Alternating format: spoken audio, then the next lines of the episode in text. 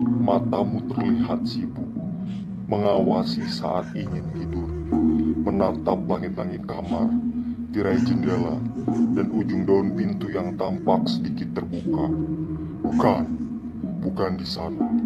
Aku tepat di sampingmu.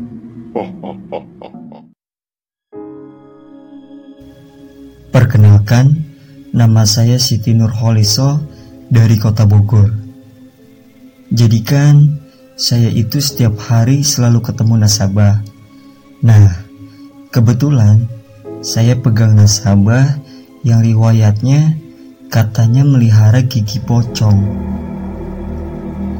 Di situ saya masih cuek aja, karena kan saya nggak terlalu percaya dan peduli juga ya sama hal-hal mistis kayak gitu. Sampai akhirnya saya main ke daerah Caringin, bagian pedalamannya sama kakak kelas saya waktu SMP dan beberapa teman lainnya. Awalnya saya ngerasa biasa aja, tapi nggak tahu kenapa tiba-tiba aja semakin lama kok pundak saya kerasa pegel dan pinggang saya juga kerasa sakit. Sampai akhirnya saya bilang tentang keluhan yang terjadi secara tiba-tiba itu ke teman-teman saya. Dan ternyata kakak kelas saya waktu SMP itu dia memang peka dan bisa melihat hal-hal yang gaib. Di situ saya ngerasa ketakutan banget karena katanya ada yang suka sama saya dari alam gaib. Saya nggak mau kan, sampai akhirnya diliatin sama kakak kelas saya. Pas saya lihat, ada perempuan Rambutnya panjang banget. Dari muka sampai kaki tuh ketutupan rambut. Gak bisa diem banget, lari-lari sana sini. Saya memberanikan diri saya untuk bertanya. Mbak, kenapa ngikut saya? Terus Mbak Kun-kunnya ngejawab.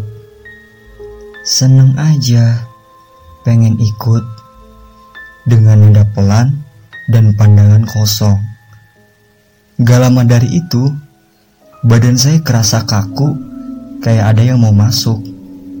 Merinding banget pokoknya, sampai ke ubun-ubun tuh, kayak ada yang narik-narik. Takut terjadi hal yang tidak diinginkan, Mbak Kun-kun itu akhirnya diusir sama kakak kelas saya. Sebelum diusir, Mbak Kun-kunnya bilang gini, kalau ketemu lagi di jalan, Mau ikut lagi boleh. Kakak kelas saya bilang ke si mbak kun kunnya itu, jangan, buat apa? Terus disuruh milih sama kakak kelas saya. Mau ikut sama siapa di antara teman-teman saya yang lain? Nah, teman-teman saya yang lain tuh bisa dibilang mereka udah bisa lah ngendaliin hal-hal kayak gitu. Pas disuruh balik lagi ke tempat asalnya, si mbak kun kun ini minta dianterin. Akhirnya kayak dibikinin semacam kendaraan gaib gitulah pokoknya sama kakak kelas saya. Tapi nggak jauh dari situ, Mbak Kun Kun ini tiba-tiba dijemput sama cowok kayak dari sebangsa jin gaib laki-lakinya gitu deh. Itu aja sih mas, cerita dari pengalaman saya yang ngebuat saya dari nggak percaya sampai jadi percaya sama hal-hal mistis. Serem banget, gak mau lagi deh. Terima kasih ya mas. Maaf kalau ceritanya kurang detail. Soalnya udah lama juga sih. Jadi agak-agak lupa.